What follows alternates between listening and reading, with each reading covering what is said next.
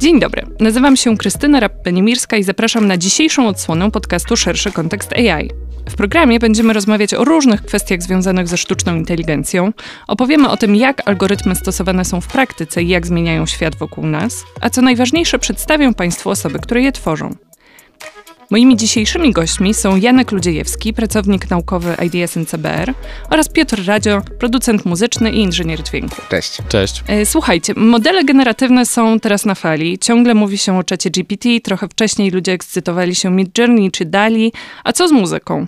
Czy są modele, które pozwalają tworzyć muzykę na podstawie opisu, Janku? Tak, e, są takie modele. Co prawda powstają, powstały dopiero niedawno.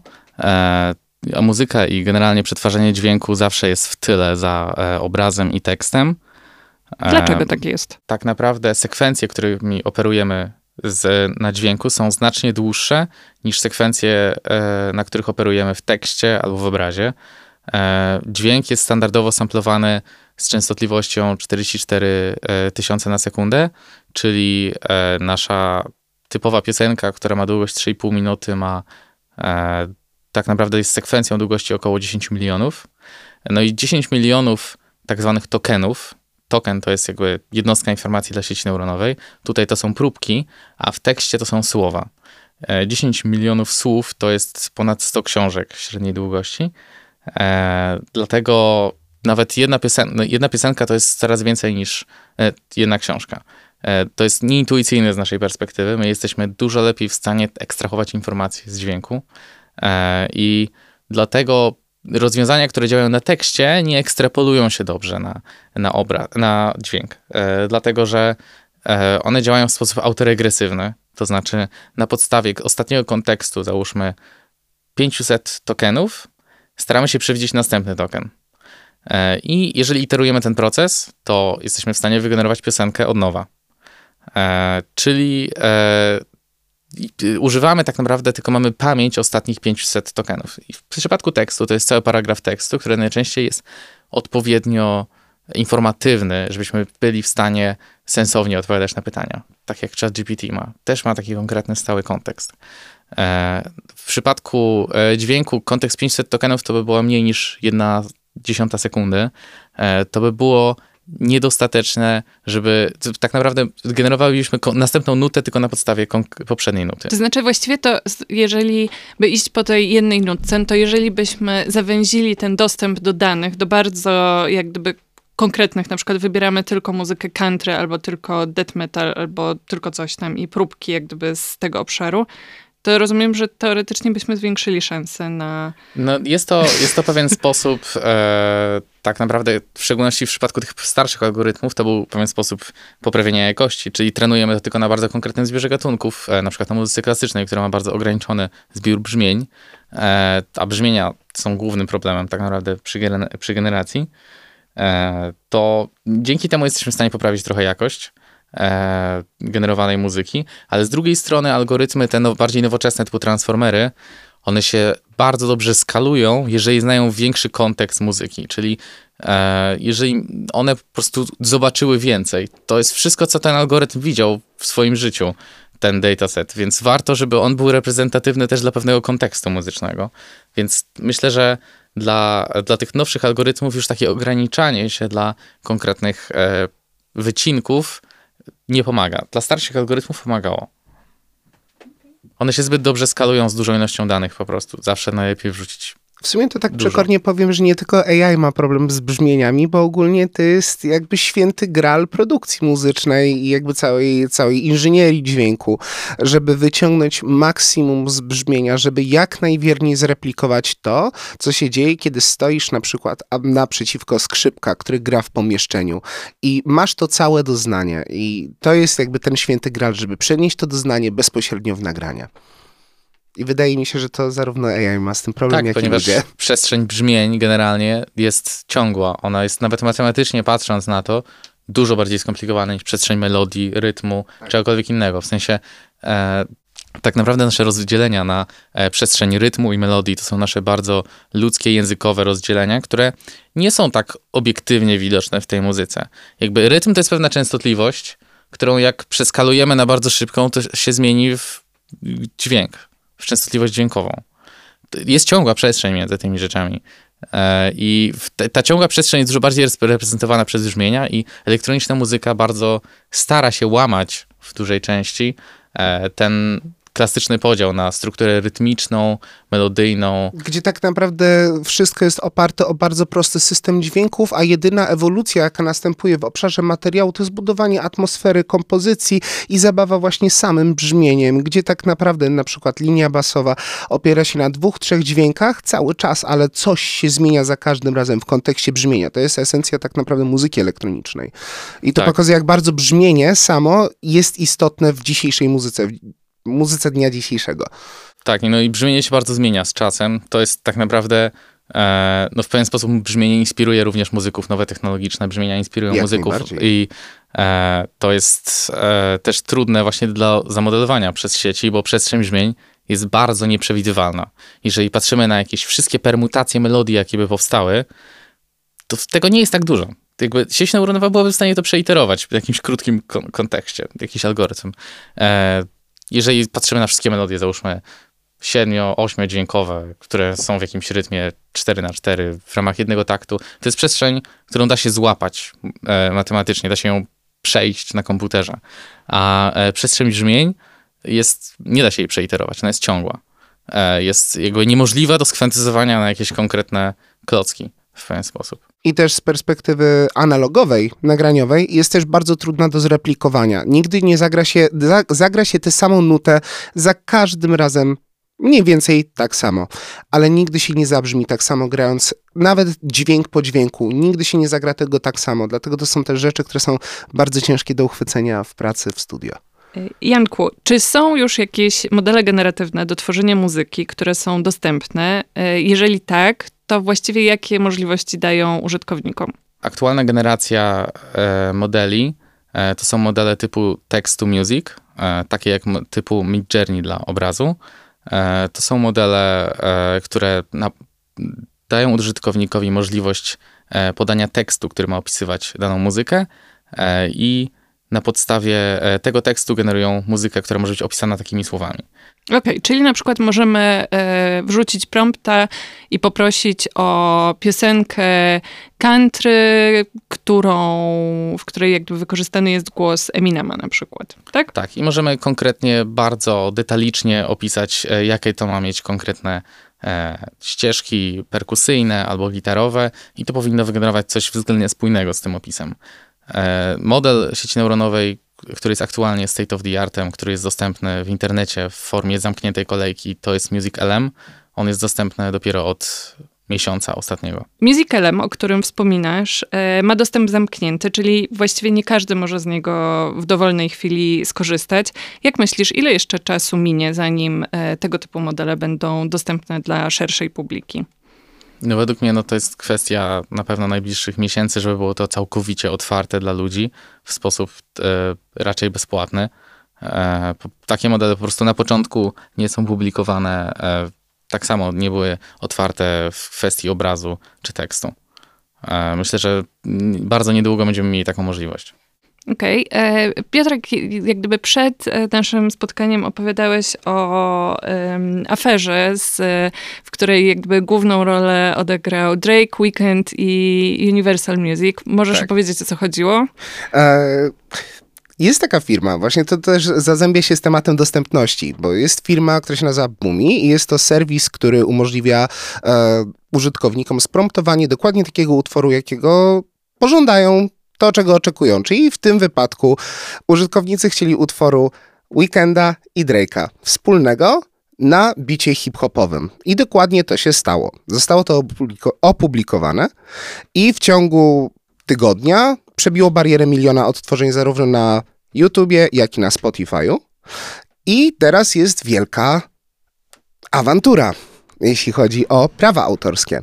No dobra, ale ym, tak jak was słucham, mam takie poczucie y, właśnie lekkiej nieścisłości, bo ty mówisz, że te modele, które pozwalają y, stworzyć muzykę, jak gdyby na podstawie promptów, no to jest kwestia y, jak gdyby ostatnich lat, powiedzmy, że ostatnich miesięcy, jeżeli chodzi o zbliżenie tego e, do e, rozwiązań, które są dostępne. Ty mówisz o firmie, która, rozumiem, e, daje narzędzie, które na podstawie promptów pozwala wygenerować taki kawałek. Więc czy różnica polega na tym, że to rozwiązanie, o którym ty mówisz, generuje to od jak gdyby zera, nie wykorzystując tych danych, które są dostępne?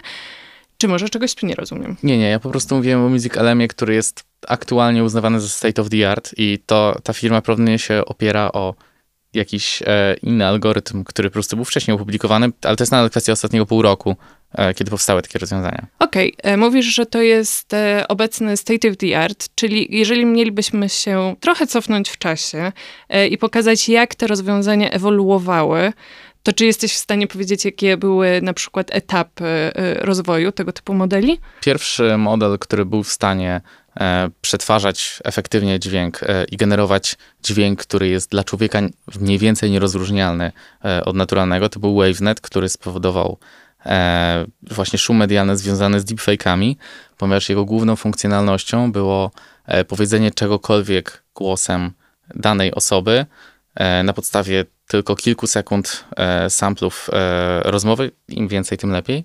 E, I w szczególności najbardziej popularny był przez robienie fejkowych wypowiedzi aktualnego prezydenta, prezydenta Stanów Zjednoczonych Baracka Obamy, który, który na, nawet nadal na TikToku i na różnych social mediach jest pewien trend związany z tym, że prezydenci USA rozmawiają sobie o losowych rzeczach albo grają w jakieś gry komputerowe i rozmawiają na czacie. E, no i to jest, e, to był właśnie algorytm WaveNet, który powstał w 2017 roku. E, I to był pierwszy algorytm, który był w stanie właśnie przetwarzać czystą falę dźwiękową w formacie PCM. Nie działał używając transformaty Fouriera i dzięki temu tak naprawdę był w stanie generować w dobrej jakości głos. Następnym takim głównym krokiem milowym to było na podstawie GPT które było prekursorem aktualnego czatu GPT e, i właśnie WaveNeta. E, w 2020 roku powstał e, OpenAI Jukebox, który był pierwszym, który faktycznie generuje muzykę. muzykę, która jest dla człowieka, brzmi naturalnie, czyli na przykład ona miała tylko możliwość, jeszcze nie było text to music, czyli były tylko bardzo określony zbiór stylów, E, z których można korzystać i e, można było podać tekst piosenki, no i na tej podstawie klikał, e, klikało się generuj. I e, najbardziej znanym przykładem OpenAI Jukeboxa to był Elvis Presley, e, który śpiewa, no, słychać ewidentnie, że śpiewa jego głosem. No i to był przełom kompletny. To był pierwszy model, który realnie był w stanie generować muzykę właśnie nie w sposób symboliczny. Wcześniej istniały jakieś algorytmy, które generowały muzykę symbolicznie, e, czyli na przykład na podstawie nut albo MIDI. Ten algorytm e, też zdobył lekki e, e uznanie w internecie przez różnych ludzi, którzy e, douczali go na konkretnych stylach muzycznych i generowali na przykład e, nowe albumy black metalowe jakichś konkretnych artystów przez to, że douczyli ten model na, na konkretnym stylu. Ale OpenAI Jukebox miał wiele problemów. Miał pewną niską jakość e, generacji i ten kontekst, o którym mówiłem wcześniej, autoregresywny, miał dość mały, efektywny kontekst e, i mniej więcej bardzo trudno było mu odtworzyć strukturę refren, zwrotka, refren, bo nie pamiętał już e, pierwszego refrenu, żeby go odpowiednio powtórzyć i w efekcie mniej więcej po jakiejś minucie w większości sampli, które generuje, e, piosenka się zmieniała praktycznie czysty szum. E, niemniej było w, stanie, było w stanie wygenerować raz na jakiś czas piosenki, które realnie brzmią jak konkretnych artystów, co było dużym przełomem. E, według mnie następnym krokiem to są właśnie modele teraz tekstu music, które działają w sposób, łącząc jukeboxa z algorytmami typu OpenAI DALI, czyli takimi, jak są mniej więcej wykorzystywane w Midjourney, no i takie modele to jest kwestia ostatniego pół roku powstania. One są w stanie właśnie na podstawie tekstu wygenerować dźwięk. I one już mają dużo większą spójność, dużo lepszą jakość. Strasznie zabawne jest to, że w momencie, w którym opisujesz, że raz na jakiś czas udaje się AI wygenerować coś, co przypomina piosenkę, to zaskakująco podobnie brzmi do początków każdego producenta bądź twórcy, że raz na jakiś czas uda mu się z tego ciągu myślowego wypluć coś, co brzmi jak piosenka, a reszta przypomina bardziej biały szum. To...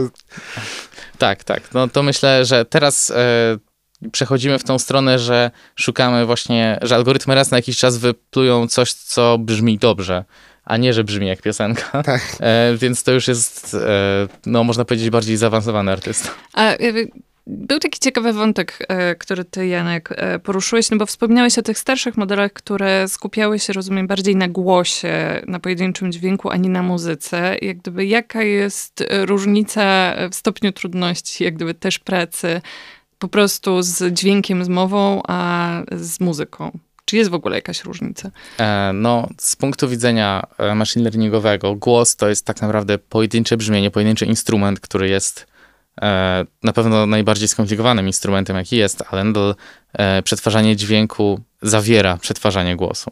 E, w muzyce i tak jest głos. To jest problem ściśle trudniejszy, też z powodu tak naprawdę różnorodności brzmień, które używamy w muzyce, które się zmieniają w czasie. Bardzo trudno coś takiego modelować na podstawie konkretnego datasetu. Głos ma znacznie bardziej określoną strukturę, E, którą my jesteśmy, jesteśmy nauczeni bardzo dobrze rozumieć. E, już nawet w latach 80. były syntezatory mowy, które e, potrafiły wygenerować coś, co człowiek był w stanie rozpoznać jako mowa. I aktualnie te syntezatory mowy to jest już kwestia odpowiedniej intonacji dźwięku, usunięcia bardzo pojedynczych artefaktów. I często na przykład wybrania akcentu, w jakim chcemy, żeby syntezator mówił. E, tak, już właśnie takich detalicznych rzeczy, typu konkretne rzeczy, których wymagamy od tego głosu, są problemem. W dźwięku raczej ogólnym, czyli przetwarzania muzyki, e, bardziej raczkujemy. E, syntezatory mowy to jest coś, co e, jest teraz no, już kwestią bardziej produktu konkretnego, który powstaje, który ma być zgodny z oczekiwaniami ludzi. Technologicznie można powiedzieć, że już tam prawie jesteśmy. Piotrek, e, od strony praktyka, jakby czym się różni e, praca jak gdyby właśnie z dźwiękiem, z głosem, a e, kiedy pracujesz z nie wiem, twórcami, którzy wykorzystują instrumenty, jest kilka wokali. No w sumie Janek bardzo dobrze to opisał. Głos jest o, tak naprawdę paradoksalnie, głos jest jednocześnie najbardziej skomplikowanym instrumentem muzycznym, jaki istnieje i z drugiej strony, od właśnie strony inżynieryjnej, jest jednym z najprostszych źródeł sygnału. Z bardzo prostego powodu. Wokal jest instrumentem najczęściej monofonicznym, czasami bifonicznym w momencie, w którym mamy śpiewanie alikwotowe, co polega na generowaniu gardłem dwóch różnych dźwięków o różnej wysokości, co są na przykład śpiewy tybetańskie bądź mongolskie, e, wszelkiego rodzaju tradycja ludowa z ludowych zaśpiewów. A, a w praktyce Zasadniczo, no, są to dwie różne baśni. Nie trzeba tak naprawdę być muzykiem, żeby nagrywać dobrze wokal, wokalistów. Wokalista też niekoniecznie musi być muzykiem grającym na żadnym instrumencie. A przy samej obróbce utworu, bo rozumiem, że do, do, tego zmierza to pytanie, tak? Jak, czym się różni obróbka głosu samego versus obróbka utworu? Przede wszystkim złożonością. To jest dokładnie ten sam problem, z którym spotyka się sztuczna inteligencja. Z tym samym problemem bardzo często spotykają się twórcy. To jest, to, to jest niesamowite, jak łatwo można połączyć te dwa kompletnie niby różne światy sztucznej inteligencji i faktycznego procesu kreatywnego, jak wyglądał u ludzi. A są te same problemy. Jest bardzo dużo różnych złożonych informacji, które trzeba w jakiś sposób umiejscowić. Trzeba z tego zlepić spójną, jedną całość, gdzie opowieść się zaczyna w punkcie zero i kończy na, ostatnim, na ostatniej sekundzie utworu. I z tym też AI ma problem, bo AI nie jest w stanie dobrze myśleć właśnie w tych e, grupach typu refren, zwrotka, prekorus, bridge. Nie jest w stanie dobrze łączyć ze sobą tych elementów, tak żeby była utrzymana jednocześnie spójność pomiędzy wszystkim, ale żeby to była nowa treść muzyczna, która w jakiś sposób koreluje z tym, co się już wcześniej dzieje w utworze. Okej. Okay. Z tego co rozumiem, e, to odpowiedź na pytanie, jak gdyby o AI w roli kompozytora i co jest dla niej łatwiejsze i w czym jest lepsze. Czy stworzenie nowego utworu muzyki współczesnej na orkiestrę symfoniczną, czy piosenki disco polo, która ma bardzo ustaloną strukturę? Jak to wygląda? E, tak, tak jak wspominałeś, e, AI ma duży problem właśnie z globalną strukturą e, utworów e, w dużej części. E, co wynika właśnie z krótkiego kontekstu, na podstawie którego ona generuje, nawet jeżeli faktycznie sieć neuronowa już jest w stanie zmieścić większy kontekst, to efektywny kontekst i tak jest mały, czyli to, na które ona naprawdę zwraca uwagę.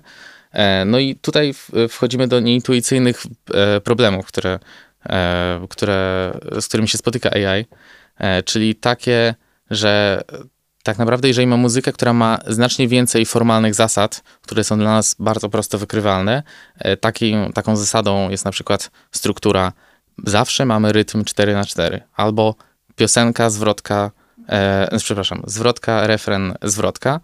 E, jeżeli mamy taką strukturę, to oczekujemy, żeby ten refren miał taką samą albo bardzo zbliżoną melodię.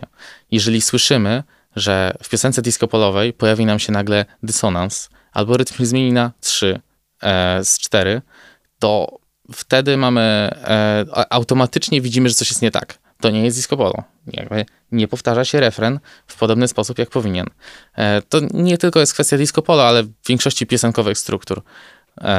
I jeżeli mamy za to muzykę, która jest bardziej awangardowa, na przykład death metal, jeżeli tam się pojawi nagle dysonans, to nikogo to nie zdziwi. Albo jeżeli będzie nagłe załamanie rytmu, to jest rzecz, która raczej słuchacz uzna, o, ciekawy element został tutaj wrzucony, czyli e, jest, mamy jakby większą akceptację dla odchodzenia od normy. Istnieje jakaś norma, istnieje konkretny styl, ale generalnie nie zdenerwujemy się, jeżeli usłyszymy w takim stylu mocne odejście od tej normy w jakimś momencie. E, no i AI ma pewien problem z radykalnym trzymaniem się takich norm. E, więc na przykład jeżeli łatwiej jest dlatego generować różne eksperymentalne gatunki, które mają mniej ścisły zbiór zasad, którego, e, którego przestrzegają. Akurat rekwiem muzyczne i e, struktura ma strukturę mszy. To jest dość arbitralna struktura z punktu widzenia muzycznego, która wymaga konkretnych części mszy, które mają być, e, które mają występować po sobie. Więc to jest dość, dość specyficzny przykład, ponieważ tutaj mamy strukturę bardzo konkretną. E, I tak również AI będzie miał bardzo duży problem z nauczeniem się struktury mszy, ale już bardziej muzyka współczesna albo e, jakieś bardziej otwarte, romantyczne formy muzyki mogą być prostsze do generacji, ponieważ e, muzyka klasyczna w dużej części struktury globalnej nie ma aż tak narzuconej, akurat nie w przypadku mszy, tylko ma strukturę lokalną, która wynika na przykład z zasad kontrapunktu i takie zasady E, no AI jest łatwiej, łatwiej mu przestrzegać takich zasad. To znaczy dla osoby, która nie jest kimś wyjątkowym ekspertem w dziedzinie, to nadal będzie brzmiało jak tego typu muzyka. Nie będzie, e, nie będzie nam e, powodowało takiego zapalania się lampki w głowie, która mówi to nie jest to, to, czego oczekuję. To jest prawdopodobnie zrobione przez AI. Tak, i tutaj wkraczamy chyba też w, w rewir tego, jak łatwo odróżnić muzykę AI od muzyki człowieka tak naprawdę w momencie, w którym płacimy komuś za wykonanie pewnego rodzaju dzieła muzycznego, zatrudniamy te osoby ze względu nie tylko na to, że ona ma konkretne brzmienie i lubi konkretne rzeczy, przede wszystkim płacimy za to, że będzie to zrobione w guście tej osoby. W kontekście zatrudniania muzyków i w kontekście pracy z artystami, decydującym czynnikiem jest gust. I gust bardzo często też dyktuje pewne rozwiązania harmoniczne, pewne decyzje, które zostaną podjęte w obszarze kompozycji. Wydaje mi się, że ciężko powiedzieć, żeby AI miało jakiś gust. AI może działać tylko i wyłącznie w kontekście dekorum określonego przez gatunek i przez to, co jest spromptowane. Jakby nie podejmie samodzielnie decyzji pomieszania na przykład jednego konkretnego elementu z innego gatunku, który w ogóle nawet ze sobą nie sąsiaduje i nie wplecie tego umiejętnie w treść. Będzie to zazwyczaj doklejone. E, mi się zdaje, że to jest kwestia aktualnie tego, że modele, tak jak mówiłem, są w pewien sposób raczkujące. Te, które, tak, to jak e, najbardziej jest kwestia tego. To jest też... To, to jest rzecz, która się zmieni w ciągu najbliższego roku na pewno. E, a jeszcze, jeżeli chodzi o konkretny gust, który ma, który ma być, ma definiować tą muzykę, którą generuje, to ten jakby prompting w zasadzie ma opisać ten gust. Czyli prompting ma być detaliczny po to właśnie, żeby zdefiniować nasz kontekst całkowicie. To jest rzecz, która aktualnie po prostu problem jest taki, że tego promptingu sieci neuronowe nie do końca się słuchają. To jest problem nie do końca e, mamy, jakby czasem potrafi zignorować pewne informacje z promptingu. Znaczy to jest jedna rzecz, że faktycznie jest to raczkujące i że faktycznie trochę ignoruje niektóre rzeczy z promptingu ze względu na to, że one mogą też w tym promptingu być wzajemnie wykluczające się. Tak na przykład jeśli zapromptujemy kompletnie dwie sprzeczne ze sobą sytuacje, one niekoniecznie jakby mogą dobrze współgrać, ale to co chciałem powiedzieć to jest, a, a zgubiłem wątek, sekundkę. Bo chciałem powiedzieć o tym guście. Tak, chciałem powiedzieć właśnie o kwestii gustu, tylko jak ja to chciałem ująć? No to, a, już wiem. Tak. A, tylko jak to teraz... Nie zacząć? chciałem powiedzieć, że jakby tą kwestią gustu jest... E jakby to nie jest inherentna wada sieci neuronowej w ten sposób, tylko to jest po prostu kwestia jeszcze, że nie jesteśmy jeszcze tutaj w tak, pewien znaczy sposób. To, to, tak, jak najbardziej zgadzam się z tym, że jest to kwestia tego, że technologia jest raczkująca, ale też przede wszystkim jest to bardzo prosta kwestia, że często ludzie, to akurat spotykam się w praktyce z klientami, że bardzo ludzie często poszukują tego. Oni chcą znaleźć to. I oni nie powiedzą, czym jest to, to, tylko to jest konsekwencja procesu. Drąży się temat, wykręca się te wszystkie brzmienia, dokłada się partii i szuka się właśnie tego. I to, co sprawia, że mamy dreszcze, kiedy słuchamy jakiejś piosenki. Ten na przykład jeden delikatny smaczek, powiedzmy głos gdzieś w oddali w piosence, którego tak naprawdę prawie nie słychać, ale kiedy założysz słuchawki, zgasisz wszystkie światła w pomieszczeniu i odkręcisz słuchawki na maksimum, usłyszysz. To są, to są te rzeczy, których faktycznie wydaje mi się, że AI może nie do końca rozumieć, może nie do końca jakby mieć ich wyczucie, bo one są bardzo ciężkie do zwerbalizowania człowiekowi. Wydaje mi się, że tak naprawdę efekt pracy AI jest tak dobry jak prompt, który zostanie zaserwowany AI. Tak, e, i to jest akurat według mnie e, mocne ograniczenie w pewien sposób, to znaczy sprowadzenie promptingu e, do tekstu. Czyli to, co powiedziałeś, to właśnie jest w pewien sposób proces twórczy. Nie jest tak, że e, klient przychodzi i daje PDF-a, w którym jest od 0 do 100 napisane wszystko, co on chce w danym utworze. E, to, to jest pro, pewien proces, który istotne jest w każdym elemencie tego procesu, że znamy kontekst tego procesu, co się wydarzyło wcześniej i w ten sposób ludzie dochodzą do jakichś wniosków. To nie jest jeden krok.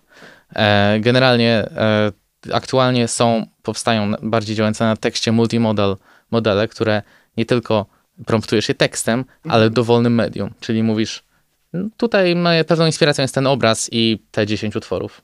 I mhm. to jest rzecz, która na pewno według mnie będzie w stanie w pewien sposób pogodzić to, o czym mówisz, czyli innymi słowy, ten kontekst będzie działał tak, jak ChatGPT działa. ChatGPT ma ten kontekst, dlatego jesteśmy w stanie tak dużo rzeczy z nim zrobić. Mhm. Nie jest jednym krokiem.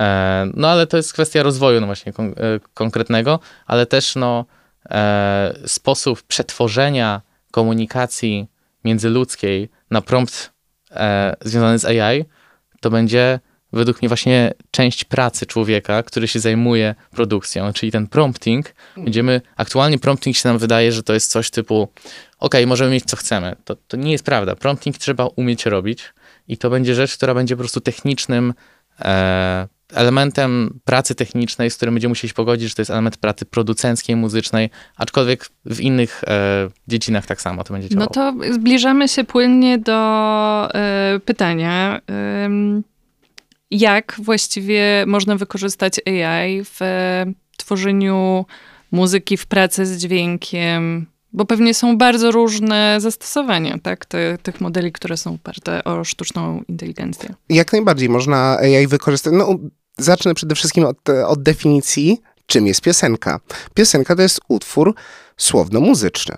Możemy wykorzystać AI przy pisaniu tekstów, co już się dzieje. Wiele osób faktycznie korzysta z AI, żeby podrzucać sobie na przykład rymy albo podrzucać sobie fragmenty e, historii, na której mogą zbudować tekst. To już się dzieje. AI, a w sumie bardziej e, uczenie maszynowe jest już wykorzystywane i to z powodzeniem od naprawdę od 2016 roku przez firmę Isotope e, przy oprogramowaniu do automatycznego miksowania utworów. Jest wirtualny asystent, który pomaga podejmować różnego rodzaju decyzje e, przy na przykład EQ albo przy kompresji i takie rzeczy są już faktycznie wykorzystywane od dłuższego czasu. Jeśli chodzi o samą muzykę wygenerowaną przez AI. Temat jest chyba jeszcze trochę zbyt młody, żeby faktycznie można było zauważyć komercyjne wykorzystywanie sztucznej inteligencji i muzyki generowanej przez sztuczną inteligencję na co dzień. Chociaż chciałem dodać, że e, na przykład na najbliższym festiwalu Unsound mhm. e, z muzyką bardziej eksperymentalną, która jest w Krakowie, e, wystąpi e, zespół Dadabots, który jest właśnie zespołem, który zdobył popularność przez robienie 2-4 na 7 live streamów muzyki black metalowej wygenerowanej przez AI na YouTubie. E, I oni wystąpią normalnie na festiwalu muzycznym na e, Unsoundzie w Polsce niedługo. Więc myślę, że to jest rewolucja, która powoli nadchodzi. Również ostatnio byłem na e, festiwalu Primavera, na którym występowała Lori Anderson i ona wprost mówiła e, o, o, tym, że piosenka, którą zagra, była zrobiona przy wykorzystywaniu AI. Nie wiem w jakim kontekście oczywiście, ale no to jest experience, który miałem absolutnie poza światem, którym się zajmuję naukowo, tylko z niezależnej perspektywy. Tak, jest to e, absolutnie namacalne, rzeczywiste i faktycznie w momencie, w którym że się tak wyrażę, szary, zwykły użytkownik wykorzystuje coś i tworzy z tego nową treść, jest to zapewne też bardzo fajne doświadczenie. A czy w środowisku muzycznym jest taki lęk, jak w innych branżach, przed tym, że sztuczna inteligencja zabierze ludziom pracę? Ależ absolutnie. E, cała ta sytuacja, o której mówiłem na początku z serwisem Boomi, Weekendem i Drake'iem, została przez jednego i drugiego podsumowana jako absolutny dramat. Jeden powiedział, że to jest po prostu to już była ostatnia kropla w tej czari, czar, czarze goryczy, która została rozlana. A z kolei na przykład Grimes, a nie wiem, czy znana tobie postać. Hm, oczywiście, że tak. E, z drugiej strony Grimes e, w jednym z TikToków e, powiedziała, że bardzo chętnie użyczy swojego głosu do generowania muzyki przy pomocy AI za 50% tantiem należnych z dochodu. Więc zasadniczo środowisko jest bardzo mocno podzielone. Ja też jestem trochę rozdarty pomiędzy wszystkim, bo z jednej strony stawiam bardzo mocno na analogowy proces. Nagrywam wszystko na mikrofony, zatrudniam muzyków, zdecydowanie staram się jak najmniej korzystać z wirtualnych narzędzi do swojej pracy, ale z drugiej strony wiem, że to może otworzyć zupełnie nowe perspektywy zarówno na rynku muzycznym, jak i względem tego, jakie będzie zapotrzebowanie na muzykę, jak się zmienią gusta ludzi przez to wszystko, bo faktycznie dojdziemy do pułapu, w którym wartością nadrzędną w danym utworze może być to, że jest zrobione przez człowieka. Tak, według mnie istotnym elementem właśnie e, rozwoju sztucznej inteligencji nie jest tylko ten praktyczny, czyli to, jakie powstaną serwisy e, typu stok dla muzyki, który na pewno powstanie w ciągu roku, który będzie właśnie umożliwiał e, wykorzystanie spromptowanie e, muzyki do reklamy, załóżmy, albo muzyki użytkowej jakiejś konkretnej, e, to istotny jest też element kulturowy, który to zmieni właśnie e, w odbiorze e, człowieka. Czyli jeżeli, jeżeli będziemy zalani taką e, muzyką ze sztucznej inteligencji, co się stanie w ciągu najbliższego roku, to na pewno obniży się pewna społeczna wartość takiej muzyki. Czyli nie będziemy w stanie traktować muzyki jako wartościowej, tylko dlatego, że to brzmi jak e, dobrze wykonany rok w jakiś sposób, aktualnie, który jest chwytliwy. Jeżeli możemy wejść na stronę internetową i kliknąć Enter i e, wygenerować sobie też piosenkę, która będzie chwytliwa rokowa w ten sposób.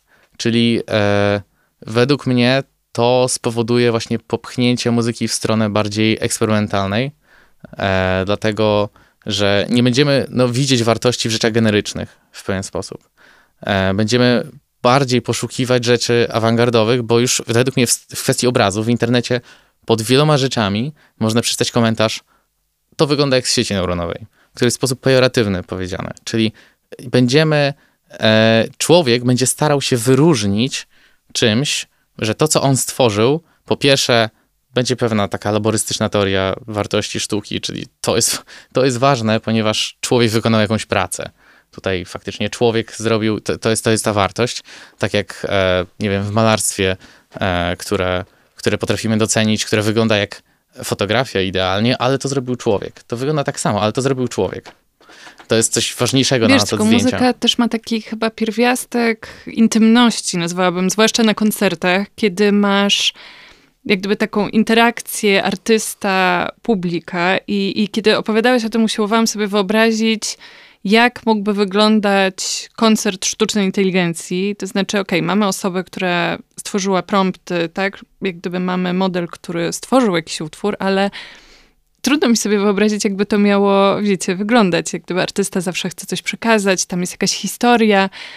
Być może to jak gdyby w ogóle pójdzie w zupełnie inną stronę, jakichś takich bardziej performance'ów, nie wiem, jakichś show ze światłami. Zastanawiam się, jakby to mogło wyglądać. Według mnie poszliśmy już w tą stronę. Aktualnie duża część koncertów wygląda tak, że no jakby ta muzyka nie jest konkretnie performowana live, tylko mamy sobie człowieka za DJ-ką, który e, w pewien sposób hypuje tłum. Wiem, I duża lubię. część elektroniki działa w ten sposób. Elektroniki tak, ale też faktycznie duża część muzyki na żywo e, inaczej.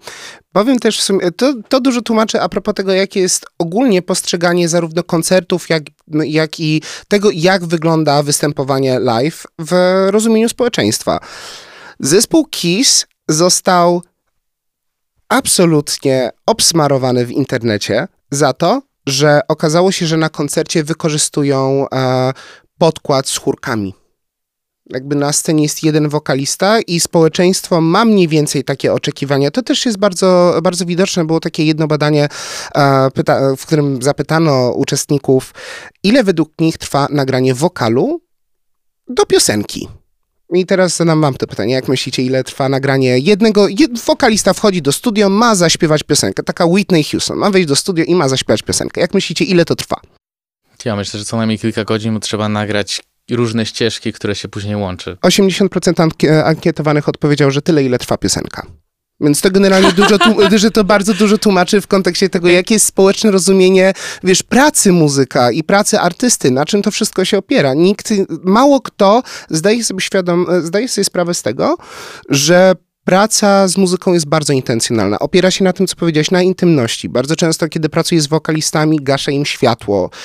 Staram się unikać komentarzy, nie? Staram się jak najmniej z nimi rozmawiać, po to, żeby nastąpiła właśnie ta wędrówka emocjonalna, w którą sami się muszą wprowadzić i muszą opowiedzieć to do mikrofonu. I faktycznie to zabrzmi strasznie spirytualistycznie i kompletnie e, nietechnologicznie, ale faktycznie intencja jest czymś, co można nagrać.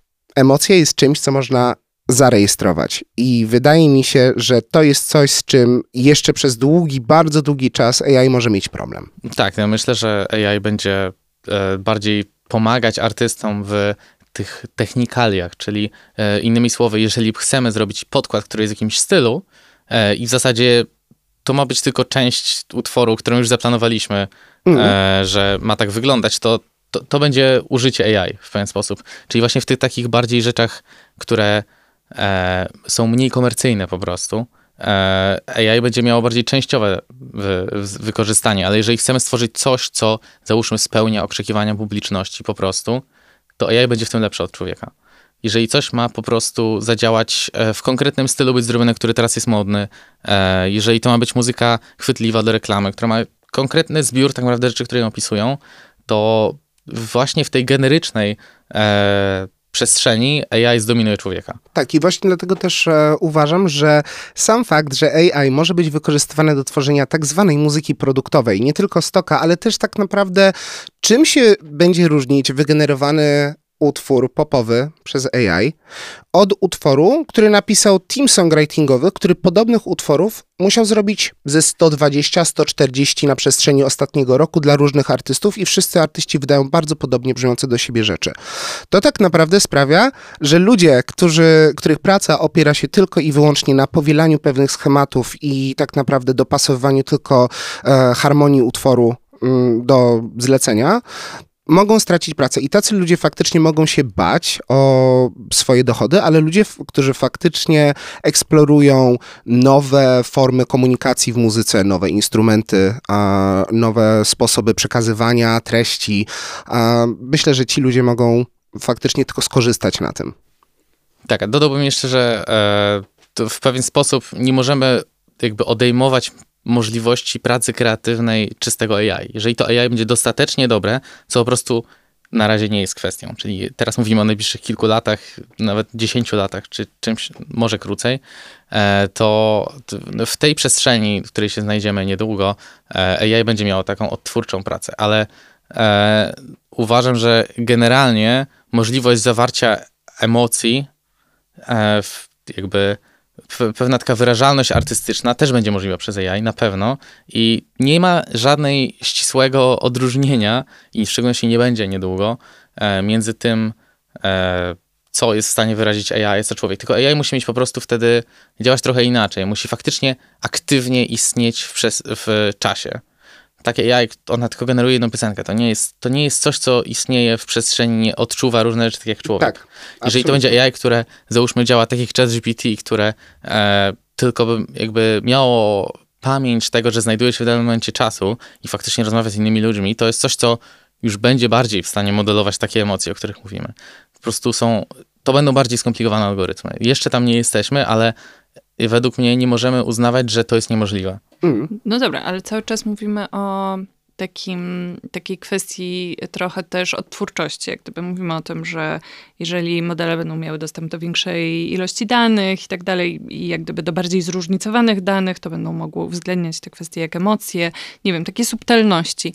Natomiast tak się zastanawiam, jakby czy sztuczna inteligencja na przykład będzie umiała stworzyć zupełnie znaczy właściwie może to pytanie jest głupie, ale zupełnie nowy głos, w sensie wszystko już było. To jest takie hasło, które, które gdzieś tam się pojawia, bo ono po prostu, jak gdyby te modele, jak gdyby kombinują, tak, z bardzo różnych danych, jak gdyby coraz subtelniej są w stanie pewne elementy połączyć, ale tak naprawdę wszystko już było. No, wszystko już było. To Tylko nie w takim mnie, połączeniu, ale to, było. To jest według mnie hasło, które jest e, najbardziej stale aplikowane do dowolnego momentu historii względem sztuki, czyli to jest rzecz, która na pewno zawsze była mówiona, mniej więcej z, myślę z podobną intensywnością. E, I 200 lat temu, i, i 400 lat tak, temu. Tak, jakby od kiedy, lat temu wszystko od kiedy, od kiedy mamy język, myślę, że to było mówione. E, a myślę, że w kwestii AI, no to jest to, co starałem się teraz bardziej odpowiedzieć, czyli w pewien sposób e, prawdziwie kreatywne rzeczy, to AI będzie w stanie robić, kiedy będzie w stanie zamodelować nie tylko rozkład e, piosenek, które są, e, które są podane w datasecie, ale nasz cały kontekst kulturowy. To jest rzecz, której mu brakuje, jakby faktycznej interakcji e, z różnymi bodźcami, e, która jest interaktywna, e, to, to wtedy będziemy bliżej tego typu rzeczy, aczkolwiek no według mnie i tak AI, no na pewno nie można mu odmawia, odmówiać możliwości utworzenia czegoś kreatywnego. Po prostu aktualnie jeszcze tam nie jesteśmy. Skoro... Yy... AI ma własny kod kulturowy i on kompletnie nie pasuje do naszego. No właśnie e, teraz... Zasadniczo tak można to ująć. Tak, tak. On jest, ten kod kulturowy nie jest zawarty w czasie. To jest główny problem. Tak. On jest zawieszony w czasie. AI nie postrzega czasu. Ja chciałam się jeszcze, Janku, podpytać o to, e, no bo w e, IDS NCBR zajmujesz się e, tymi sprawami związanymi z muzyką. Co aktualnie badasz i jak gdyby jakie kierunki rozwoju prac nad tymi modelami są z twojej perspektywy najciekawsze? Okej, okay. moje badania, tak naprawdę większość modeli, które, które są w pewien sposób publicznie znane, typu Midjourney, to jest sklejka wielu różnych prac naukowych, które powstają, które ulepszają pewien konkretny detal tego algorytmu. E, I na przykład e, to, na czym ja się skupiam, to robię algorytm bardziej oparty o Stable Diffusion, e, tylko dla dźwięku. Music LM nie, nie, nie używa Stable Diffusion, za to Audio LDM używa Diffusion, ale w trochę inny sposób niż ja używam. I po prostu ja staram się zoptymalizować ten algorytm, żeby był w stanie brać większe konteksty, e, czyli właśnie, żeby e, nie, tak, tak nie tracił kontekstu po minucie e, mhm. i żeby generalnie miał większą strukturalną Czyli spójność żeby globalną. poprawił trochę jego, żeby poprawić trochę jego pamięć. Tak, tak? no poprawiam w zasadzie pamięć tego algorytmu, można powiedzieć w ten sposób. E, to jest wiele takich prac teraz powstaje, które poprawiają konkretne problemy związane z tym, e, jak działa e, na przykład jak działa OpenAI Jukebox albo jak działa e, Music LM. I ja tworzę jedną z takich prac. Okej, okay. największe bariery w rozwoju tych modeli związanych z muzyką? Technologiczne? W, według mnie największa bariera to jest problem z dostępnością datasetów. mamy, niestety z muzyką jest ten problem, że nawet jeżeli mielibyśmy prawo, które udostępnia, które daje możliwość trenowania na takich danych, to one po prostu nie są dostępne w internecie publicznie. E, duże, duże, ser, duże firmy typu Google, na czym trenują swoje algorytmy, które publikują? Na YouTubie, którego posiadają. YouTube Music na przykład, który jest naprawdę dużym zbiorem muzyki. Mają, mają dostępne takie datasety po prostu, na których mogą chociażby eksperymentalnie testować swoje rozwiązania. E, są aktualnie największy dataset publiczny, to jest Free Music Archive, e, który ma e, około tam milion minut muzyki. To jest muzyka w większości zeskrapowana z Bandcampa z licencjami, które umożliwiają skrapowanie. Problem jest taki, że nie można pobrać takiego datasetu, bo to by było nielegalne udostępnianie muzyki. Takie, które nie mają odpowiedniej licencji. Nawet jeżeli można to wykorzystywać do AI. Więc to jest tak naprawdę według mnie dla mnie jedna z większych barier, e, jeżeli nie jest się częścią korporacji, która zajmuje się streamowaniem muzyki. E, no i druga rzecz to jest taka, że e, do trenowania algorytmów typu text to music potrzebny jest, czyli takich, które na podstawie tekstu generują muzykę, czyli można je promptować, potrzebny jest zbiór, który ma muzykę i teksty opisujące. Taki zbiór był trenowany na przykład na podstawie filmików z YouTube'a które mają swoje description. E, albo dla te obrazu to były posty z social mediów i opisy z tych social mediów. E, taki dataset bardzo, nie, nie ma takiego datasetu dosłownie publicznie dostępnego. Więc trzeba się opierać o pewne części algorytmów, które ktoś udostępnił, które dopiero inkorporujesz do swojego algorytmu. Więc okay. dostępność datasetów to jest według mnie największy problem aktualnie z przetwarzaniem dźwięku i to jest też powód, dlaczego to idzie wolniej niż inne dziedziny. A moce obliczeniowe? Jak gdyby zasoby potrzebne do pracy? Moc obliczeniowa to też jest problem, ale według mnie jest mniejszy. E, w szczególności e, mam to szczęście, że mam w miarę sensowną moc obliczeniową, na której mogę pracować z uczelni i z IDEAS. A e, nadal to jest pewien problem, bo mam znacznie mniejszą moc obliczeniową niż na przykład Google pod tym względem, a sztuczna inteligencja bardzo się skaluje z mocą obliczeniową, ale dostępność datasetów jest bardziej nie do przeskoczenia.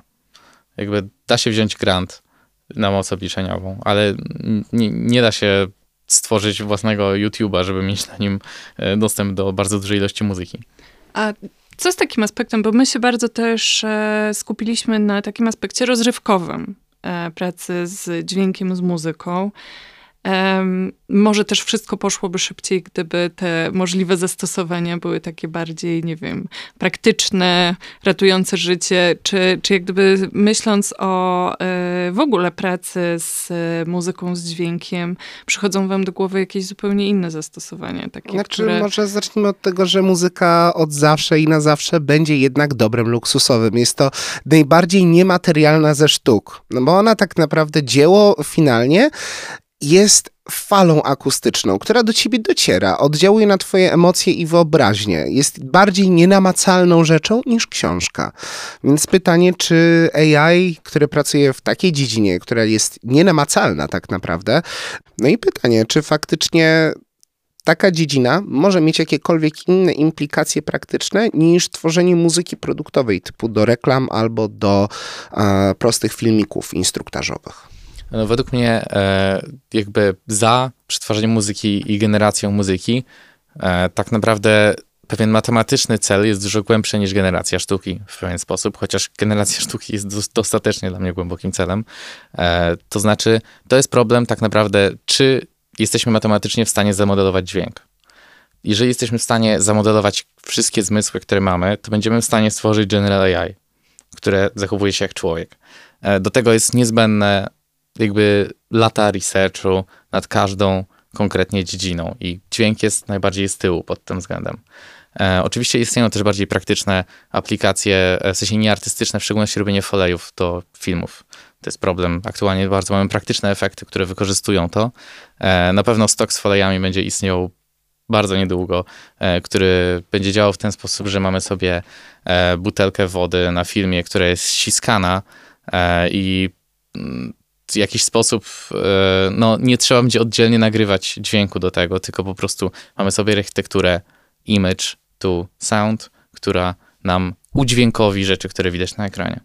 Typu chodzenie i inne rzeczy tego typu. To jest duży też To jest całkiem ciekawe, bo to już bardziej wkracza nie tyle w rejon e, samej muzyki i samego dźwięku, a już stricte bardziej w e, dziedzinę psychoakustyczną. Odzorowanie tego, jak się dźwięk zachowuje w konkretnej przestrzeni i jak jest odbierany przez odbiorcę. Czy myślicie, że za kilka lat em, tworzenie na przykład e, promptów do takich modeli generatywnych będzie e, obowiązkowym przedmiotem w ramach na przykład studiowania kompozycji? E, to jest bardziej takie według mnie polityczno-organizacyjne pytanie, czy Tak. będzie. W ogóle Czy- ta rozmowa tak graniczy, cały czas oscyluje pomiędzy etyką a sztuką.